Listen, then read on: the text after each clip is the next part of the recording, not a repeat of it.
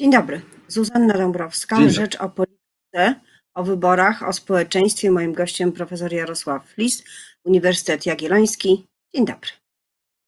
Dzień dobry. Panie profesorze, na pewno przygląda się pan tak jak każdy y, konsument y, polityki, a szczególnie wnikliwy badacz, e, temu, co dzieje się w Stanach Zjednoczonych. Bałagan zapanował. Jak y, zresztą często po wyborach. Amerykanom to potrzebne jest do szczęścia, żeby, żeby czuć, że się coś dzieje ważnego? Nie, wydaje mi się, że to jest efekt y, całego systemu politycznego amerykańskiego, który jednak jest krajem federalnym z dużą, z dużą swobodą, którą mają, ma lokalna administracja, nawet no, na poziomie stanów już, ale także na poziomie powiatów i po prostu jest tak, że każdy stan sobie organizuje wybory po swojemu, każdy powiat w ramach tego stanu też ma tam jakieś swoje, swoje pole manewru. No i stąd to wszystko wygląda inaczej, bo też i przecież jest to kraj niezwykle zróżnicowany i, i to w, i, i w przestrzeni, i społecznie zupełnie inaczej wygląda. Także to, że w różnych miejscach się w różnym tempie liczy głosy, to jest właśnie wynik tego, że tak naprawdę to, w jaki sposób się to robi, jest ustalane oddolnie i każdy stan ma jakieś swoje pomysły, swoje naciski. W każdym z tych stanów toczy się też własna gra pomiędzy rządzącą partią lokalnie i, i opozycyjną o to, jak to zrobić. No i taki widzimy, widzimy efekt. No plus do tego jest tak, że, że przez to, że to jest ten system kolegium elektorskiego i to, że, że nie, to nie są de facto wybory powszechne, tylko takie wybory pośrednie, no to są te miejsca, w których to się rozstrzyga w dużo większym stopniu niż w innym. W Kalifornii nie ma żadnego ani zamieszania z liczeniem głosów, ani żadnych emocji z tym związanych. E, natomiast e, no to, co tam się dzieje w, w Michigan czy, czy Wisconsin, no to to już są, e, to jest coś, na co cała Ameryka i przy okazji cały świat prawie patrzy z, z niepokojem, czy, czy jakoś z ekscytacją. Mówi się o tym, że wiele społeczeństw pęka że robi się e, taka wielka, czarna, polityczna e, dziura, przestrzeń, przepaść między różnymi grupami. I mówi się tak też w kontekście Polski i protestów, ale mówi się tak o Turcji, mówi się tak o Węgrzech, a Ameryce to co drugi komentator wygłasza właśnie taką, taką tezę. No to się już nie zrośnie, to jest wielkie pęknięcie. To jest znak czasów, te pęknięcia na pół. Tak, to na pewno jest to efekt przemian społecznych, e, które naruszyły stare wzorce e, uprawiania polityki. E, to jest też tak, że, że bardzo długo społeczeństwa odreagowują różne błędy, problemy, które pojawiły się w przyszłości, tego, że w tych narastających podziałów nikt nie mógł, znaczy nikt nie chciał może bardziej dostrzegać, czy jakoś na nie reagować, co z nimi zrobić. No i teraz jak one nabrzmiały, no to się teraz rozlewają, ale no, trzeba mieć nadzieję, że, że jakoś się to wszystko ułoży, to znaczy w takim sensie, że, że gdzieś się te, te społeczeństwa obronią przed tymi chorobami. To oczywiście nie będzie, nie będzie łatwe, ale być może znajdziemy wspólny język. Sto lat temu ludzie się mordowali na ulicach, bojówki polityczne szalały, wojny domowe w, w Hiszpanii, no w wielu różnych, różnych miejscach się mm, pojawiały. Mimo wszystko jesteśmy od tego daleko. I nie wygląda, żeby to tak dokładnie poszło w, w taką stronę. Nie ma e, takich wielkich opowieści. E, I widać, że raczej no, patrząc nawet na, na to, porównując e, Trumpa z wielkimi opowieściami sprzed 100 lat, na przykład z Mussolinim, prawie 100 lat jest już do, do marszu na, na Rzym, no to, to widać jednak, że to, że to się odbywa w zupełnie innej, E, innej e, sytuacji, że przyzwolenie na przemoc jest, e, jest zupełnie, mm, zupełnie inne i no i, i miejmy nadzieję, że tak to zostanie. No to tak naprawdę jednak jest, jest coś, co, co jest chorobą bez wątpienia, ale ludzkość wychodziła z cięższych chorób. Przenosząc się do nas na polskie podwórko, Warto porównać e, to, o czym Pan mówi, e, porównując Mussoliniego z Trumpem, z naszą sytuacją i z tym, e, że przecież jeszcze niedawno, jeszcze parę lat temu, dwie główne siły, które budują polską scenę i ca cały czas, czyli Platforma Obywatelska i PiS, prawie że tworzyły razem rząd. Do teraz mówi się, że niewiele właściwie się różnią programowo, więc jest to walka o władzę. Czy w tej walce o władzę obecne sondaże pokazują jakieś rozmiękczenie, rozmydlenie? Czy ta zabetonowana przez ostatnich parę lat scena na opozycję i obóz władzy zaczyna się zmieniać? Po pierwsze, ona nie była tak dokładnie zabetonowana. To, to prawdę powiedziawszy, nie znajduje żadnych żadnych potwierdzeń, w, tak jak się głębiej po, po, pogrzebie i chwilę spojrzy na to z boku. To jest taka figura retoryczna, ale ona jednak e, ma więcej zaciemnia niż, e, niż wyjaśnia, dlatego że mieliśmy walkę dwóch rycerzy i jeszcze paru gierków cały czas było. Jedni byli stali, tak jak Lewica i PSL, jedni przychodzili i odchodzili, tych partii to już było tam was dziewięć, się kiedyś doliczyłem, takich właśnie, którzy chcieli zostać gierkami, ale jakoś tam w najlepszym wypadku skończyli w, jako czelać obozowa.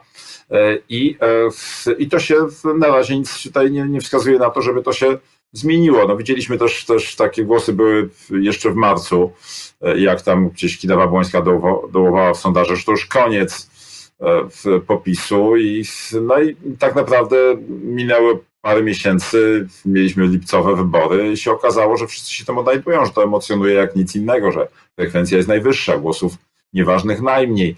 Więc wszystkie takie e, sygnały, że, że to komuś nie, nie pasuje, no nie było takich sygnałów. Więc to, to, to, że w tym momencie partia rządząca słabnie, no to jest, to może być zapowiedź ruchu wahadła w drugą stronę. Zobaczymy, kto będzie tego beneficjentem, ale, ale na razie jest jeden główny e, chętny na to i, i on jakoś tam e, o przynajmniej jedną długość, przynajmniej dwukrotnie, kolejną partię w wyścigu e, wyprzedza. Także to raczej wygląda bardzo podobnie do tej zmiany, która nastąpiła w latach 2012-2015 pomiędzy Platformą, która no, odsadzała bardzo wyraźnie Prawo i Sprawiedliwość. Wszyscy mówili o tym, że tam jest szklany sufit, nic nie wyjdzie i że Platforma będzie rządzić wiecznie. Donald Tusk mówił, że nie ma z kim przegrać. No i minęło tam trzy lata i się okazało, że jednak jest kim przegrać i, i że to nie jest tak, że to się, to się troszeczkę rozhermetyzowuje, trochę się tam zejdzie, zanim te zamrożone podziały się roztopią i, i, i ułożą na nowo. No ale to, to jest raczej ciągle w ramach takiej logiki, to znaczy mamy dwie, dwóch głównych aktorów, kilku takich e, parę ról drugoplanowych, no i gdzieś ten serial się, e, się toczy, układa się na nowo, są nowe konfiguracje, serial na wiejskiej. No tak, panie, panie profesorze, ale polityka toczy się też na ulicy, nie tylko na wiejskiej. Czy w takim razie te protesty bardzo liczne, niezwykle liczne jak na historię po 1989 roku, protesty kobiet y, sprowokowane decyzją e, PiSu o tym, że poprzez Trybunał Konstytucyjny będzie naruszać to, co nazywamy kompromisem aborcyjnym. Czy to jest y, nowa siła, czy ona się upolityczni, czy to jest takie pospolite ruszenie, czy jakby powiedział Monty Python, hiszpańska inkwizycja przybiegła, narozrabiała i zniknie z polityki. To będzie. Znaczy tak naprawdę to, że same są protesty na ulicach, to jest jedna składowa. No kiedyś e, jeden z kolejarzy mi tłumaczył, że każda katastrofa kolejowa ma dwie przyczyny, więc tutaj też są takie dwie przyczyny tego, tych problemów PiSu. Jeden to są, to jest to, co widać na ulicach, to jest to e, ten radykalny protest, a z drugiej strony jest zdanie tej milczącej większości, która wcale nie jest po stronie Prawa i Sprawiedliwości, tylko jest dokładnie przeciwna temu rozwiązaniu. E, I zwykle takie protesty da się przetrzymać wtedy, kiedy rzeczywiście milcząca większość jest przynajmniej zdystansowana od tego, co tam się dzieje i raczej się skłania do obrony obrony, że to są protesty przeciwko status quo, a większość, milcząca większość zawsze jakoś się tam trzyma status quo. No, tym razem jednak jest tak, że ten rząd się wykazał takim kontrrewolucyjnym zapałem i, i co status quo chciał zniszczyć. No i teraz ma przeciwko sobie tych, którzy by chcieli to zniszczyć, ale w zupełnie inny sposób, no i tych, którzy by chcieli, żeby wszystko zostało po staremu. E, wydaje się, że te postulaty, które są zgłaszane na ulicach przez strajk kobiet i tak dalej są zupełnie nierealistyczne. To znaczy, one mają przeciwko sobie mniej więcej tyle samo osób, co te postulaty zgłaszane przez partię rządzącą. To znaczy, te decyzje, które chciałaby podjąć, chociaż ciągle się rozumiem, wstrzymuje partia rządząca. Także to, to raczej jest taka gra w dobrego i złego glinę. To znaczy, na razie ufają sobie, to znaczy w tym sensie, że sprzeciw względem e, rządu łączy milczącą większość e, i protestującą mniejszość. Natomiast e, gdyby rzeczywiście poważnie potraktować te postulaty które zgłasza, zgłasza na przykład staj kobiet, no to można się spodziewać, że ta milcząca większość będzie się przesuwać w drugą stronę. No wystarczy, że rządzący odpuszczą. No główny problem Prawa i Sprawiedliwości jest taki, że on się złapał w potrzask, to znaczy, że tak naprawdę wpływowe grupy wewnątrz e, nie dają możliwości bez jakiejś naprawdę wielkiej rozruby E, to, tego, żeby wrócić do status quo i powiedzieć, no nie, no dobra, pomysł nie najszczęśliwszy, e, zróbmy, e, wycofujemy się z niego. Lecz no wiemy, że to, że to w tym momencie jest, jest trudne do wyobrażenia i z punktu widzenia Prawa i Sprawiedliwości, i z punktu widzenia kluczowych środowisk, które naciskały na takie rozwiązanie. Tym bardziej, że żadne rozwiązanie właściwie nie leży na stole, bo po ogłoszeniu stanowiska Kościoła, episkopatu, nie jest możliwe nawet e, chyba przyjęcie propozycji prezydenta, e, która w jego zamyśle miała być kompromisowa, którą poparł premier Morawiecki. No teraz chyba już o tym mowy nie ma i misja wicepremier Emilewicz, zanim się zaczęła, to się już skończyła. W związku z tym posiedzenie Sejmu nie jest zwoływane. Czy mamy czas zawieszenia? Ostatnie sondaże pokazują, że spada przewidywana frekwencja i rośnie grupa osób, które są niezdecydowane. No to jest zwykle takie, znaczy wyborcy nie przenoszą się od razu na drugą stronę, zwłaszcza jak te, te barykady były, były głębokie, nie szukają, szuka, na razie się zastanawiają, co z tym zrobić, aczkolwiek wiecie, jest to potężny, potężny wstrząs. Wiemy, że już parę razy takie wstrząsy Prawo i Sprawiedliwość przeżywało, ale też wiem, że miało wtedy wiele więcej atutów niż ma w tym momencie, a teraz ma też, za to ma teraz dużo więcej kłopotów no, na czele z e, pandemią i z drugą falą, do której rząd no, niespecjalnie okazał się przygotowany, tak to nazwijmy, wbrew jego, jego deklaracjom. E, natomiast e, co do tej misji, to to nie jest tak do końca, że ona nie działa, bo tak naprawdę werdykt powinien być już opublikowany. To, że nie jest publikowany, no to przynajmniej ten jeden, e, to jedno w, w zaszło.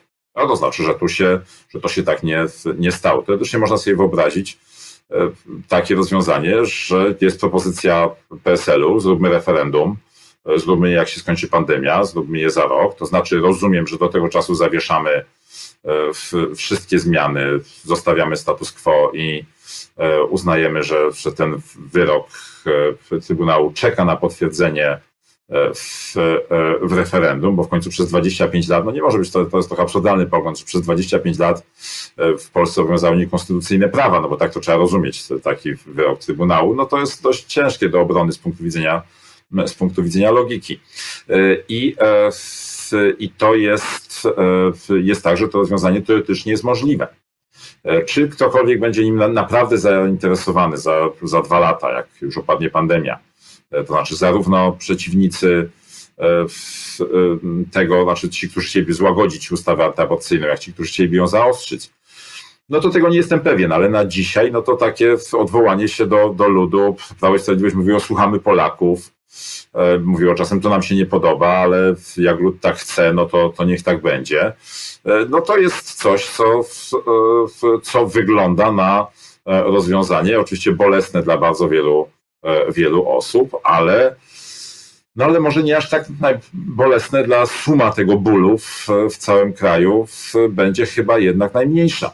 Także to teoretycznie jest rozwiązanie, które jest, no to, to co przedstawia E, przedstawił prezydent i to, co popiera premier, no to jest taki wątpliwy kompromis. No tak naprawdę to jest przesunięcie w tą stronę, którą, e, w którą zdecydowana większość wcale nie chce się przesuwać. No to jest kompromis Jarosława Kaczyńskiego, ale to nie jest kompromis e, dla, z punktu widzenia protestujących i z punktu widzenia także tej milczącej większości. Strajk kobiet, ale też wielu protestujących na ulicach to nie jest tożsame. Strajk kobiet jest jedną z organizacji które protesty organizowało. E, ale do, jest postulat wyartykułowany wcześniejszych wyborów, a to się stać może wtedy przede wszystkim i po pierwsze, jeśli koalicja rządząca, czyli Zjednoczona Prawica, z jakichś powodów się rozpadnie. Wiadomo, że jeśli sondaże będą się pogarszać bardziej, no to y, jest to czynnik, który destabilizuje każdy obóz władzy. Wszyscy się boją, co będzie, wszyscy się boją swoje miejsca na listach. A może właśnie nie, może jest odwrotnie. I pogarszające się sondaże cementują władzę. No wiemy na przypadku na przykład SLD, że, że to tak nie działało. To znaczy, no znamy już przypadki z historii i takie, w których, w zasadzie w większości przypadków było tak, że, że te spadające sondaże wywoływały jakieś, e, jakieś ruchy, żeby coś zrobić inaczej. No wiemy, że one się kończyły tak jak SDPL czy Nowoczesna, później jak z Platformie zaczęły spadać sondaże, no to, e, to raczej to są takie brzytwy ratunkowe, to znaczy no, chwyta się ich część zwolenników danej partii, żeby coś jednak zmienić radykalnie, kończy się to zwykle jednak radykalną porażką tego, czy jednego, czy drugiego obozu, obozu władzy. No tak było w przypadku rozpadu AWS-u i Unii Wolności, tak, tak było w przypadku rozpadu SLD, tak było w, w przypadku problemów e, Platformy w 2015 roku po wyborach prezydenckich. E, wydaje się, że te elekcje są już odrobione.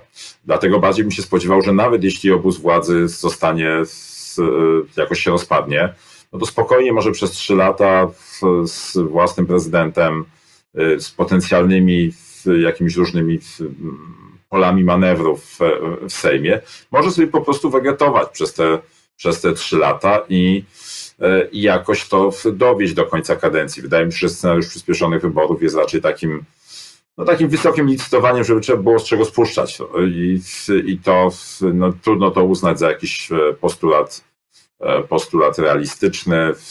Nie bardzo w tym momencie widać, żeby to się e, żeby to szło w taką stronę. Natomiast oczywiście to jest rzecz, która będzie zapamiętana i która będzie mieć swoje echa za trzy lata, kiedy odbędą się regularne wybory, czy najpóźniej za trzy lata. No właśnie, to jest ostatnia kwestia, o którą chciałam zapytać. Czy na podstawie tego, co dzieje się teraz, tej zmiany, zmiany sondażowej, bo ona ewidentnie jest, możemy myśleć o tym, co będzie się działo przez trzy lata. Mamy e, nowy ruch polityczny Szymona Hołowni, mamy też te e, protesty, które być może wygenerują jakieś polityczne organizacje więcej lub mniej, tego, tego jeszcze nie wiemy. Mamy też opozycję w parlamencie. Czy tu nastąpią jakieś zmiany, czy możemy się spodziewać przeformułowania e, strony antypisowskiej? No, zwykle przyszłość jest zupełnie inna niż to sobie wyobrażaliśmy, bo jakby ktoś rok temu powiedział, że sytuacja będzie w Polsce taka jak teraz, no to rozumiem, nikt mu specjalnie nie, nie uwierzył, nie mówiąc już o tam sytuacji sprzed dwóch, czy trzech, czy, czy, czy pięciu lat. Natomiast e, jest tak, że, e, że rzeczywiście ten dotychczasowy system, e, ten podział na te cztery partie całkiem nieźle się wpasowuje w podziały wśród Polaków czy nawet no, z, z, piątą partią, która się tam ostatnio pojawiła w postaci Konfederacji, chociaż ona też cały czas była obecna, więc to takie no 4,5, no bo ona tam czasem pojawiała, czasem znikała. E, I w, jak się w ostatnich wyborach przed rokiem e, to wszystko układało, to, to wiemy, że te cztery stare partie, e, jak sobie policzyłem, około ośmiu czy dziewięciu sił politycznych, które próbowały to wszystko przebudować, zniszczyć, obrócić koniec tego zabetonowania, my to wszystko zmienimy, one zostały wchłonięte przez te przez te stare partie. Więc to jest najbardziej prawdopodobny scenariusz. Chociaż wiemy też, że to czasami, e, czasami takie rzeczy zawodzą. To znaczy, buty dzban wodę nosi, póki się ucho nie urwało. I wiemy też, że, że w, po różnych przegięciach gwoździe się jednak łamią, są złomy zmęczeniowe i być może już to przychodzi taki moment. Ale jak spojrzymy na partie amerykańskie, e, nad, bo od tego zaczęliśmy, no to one już trwają naprawdę długo, tak długo, że u nas się w ogóle sobie nie wyobrażamy, że, mogły, że polityka mogłaby tyle, e, tyle trwać stabilna. One się zmieniały, one się dostosowały do tych nowych warunków, zmieniały swoje miejsca na scenie politycznej, ale jednak jako pewne tożsamości przetrwały. Może się zdarzyć tak, że te partie zostaną, tylko się zmienią, to znaczy w takim sensie nie zmienią się szyldy, ale zmieni się ta treść, która będzie podkładana, znajdą nowych sojuszników, nowe nurty w nich się, w nich się pojawią, tak jak w tych partiach amerykańskich. E, I mm, tak będzie to wyglądało. Wydaje mi się, że to jest najbardziej prawdopodobny scenariusz. Dziękuję bardzo za tę analizę. Oczywiście przyglądamy się sondażom z dużą, z dużą ciekawością. Dziękuję. Moim gościem był profesor Jarosław Lis, socjolog z Uniwersytetu Jagiellońskiego. Dziękuję pięknie.